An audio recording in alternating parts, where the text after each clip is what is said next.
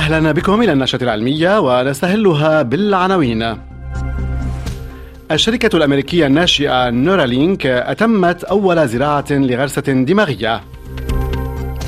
مرض الألزهايمر لا ينتقل من شخص لآخر إلا في حالة المتلقين لهرمون النمو البشري. خطة خمسية لتخضير العاصمة أثينا بهدف مكافحة حرارة الصيف الخانقة.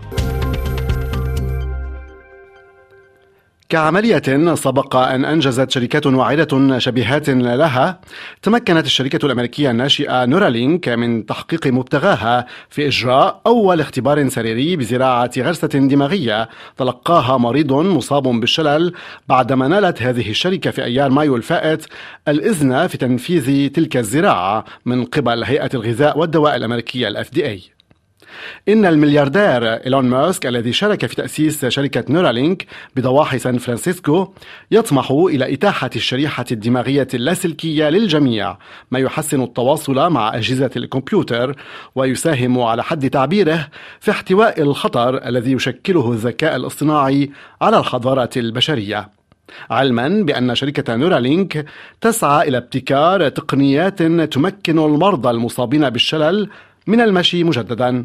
وتتيح للمكفين استعادة البصر وتستطيع حتى معالجة الأمراض النفسية مثل الاكتئاب.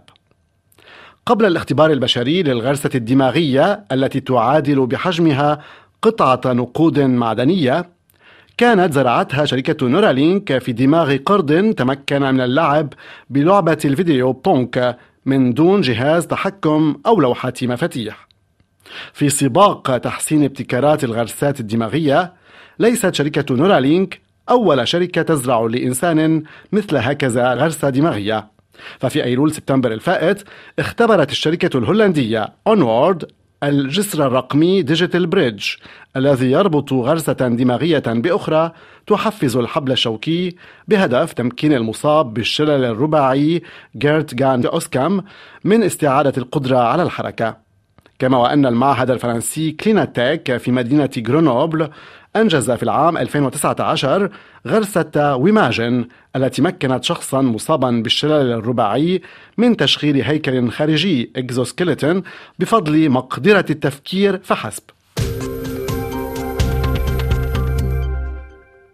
بين أعوام 1959 و 1985 إن علاج هرمون النمو البشري المأخوذ من الغدد النخامية العائدة لمتبرعين متوفين أعطي في المملكة المتحدة لما يقول عن 1848 طفلا يعانون من مشاكل في النمو.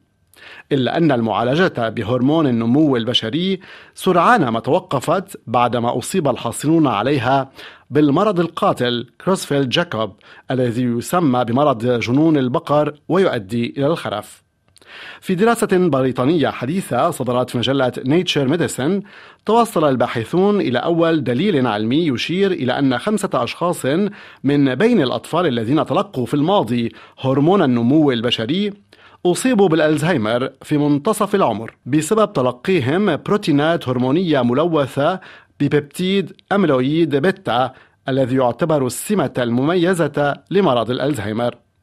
على الرغم من توقف انتقال الألزهايمر من دماغ بشري إلى دماغ آخر منذ أكثر من أربعين عاما عقب توقف استخدام المعالجة بهرمون النمو البشري فإن الخبراء يصرون على أن مرض الألزهايمر لا يمكن أن ينتقل من شخص لآخر عبر الإجراءات الطبية من قبيل نقل الدم أو زرع الأعضاء.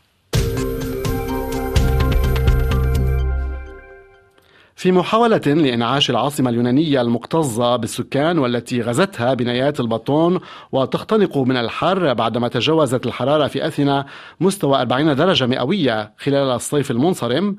تعهدت بلدية أثينا بزرع أكثر من 25 ألف شجرة خلال السنوات الخمس المقبلة من أجل تقليص عداد الوفيات المرتبطة بصعوبة تحمل القيظ.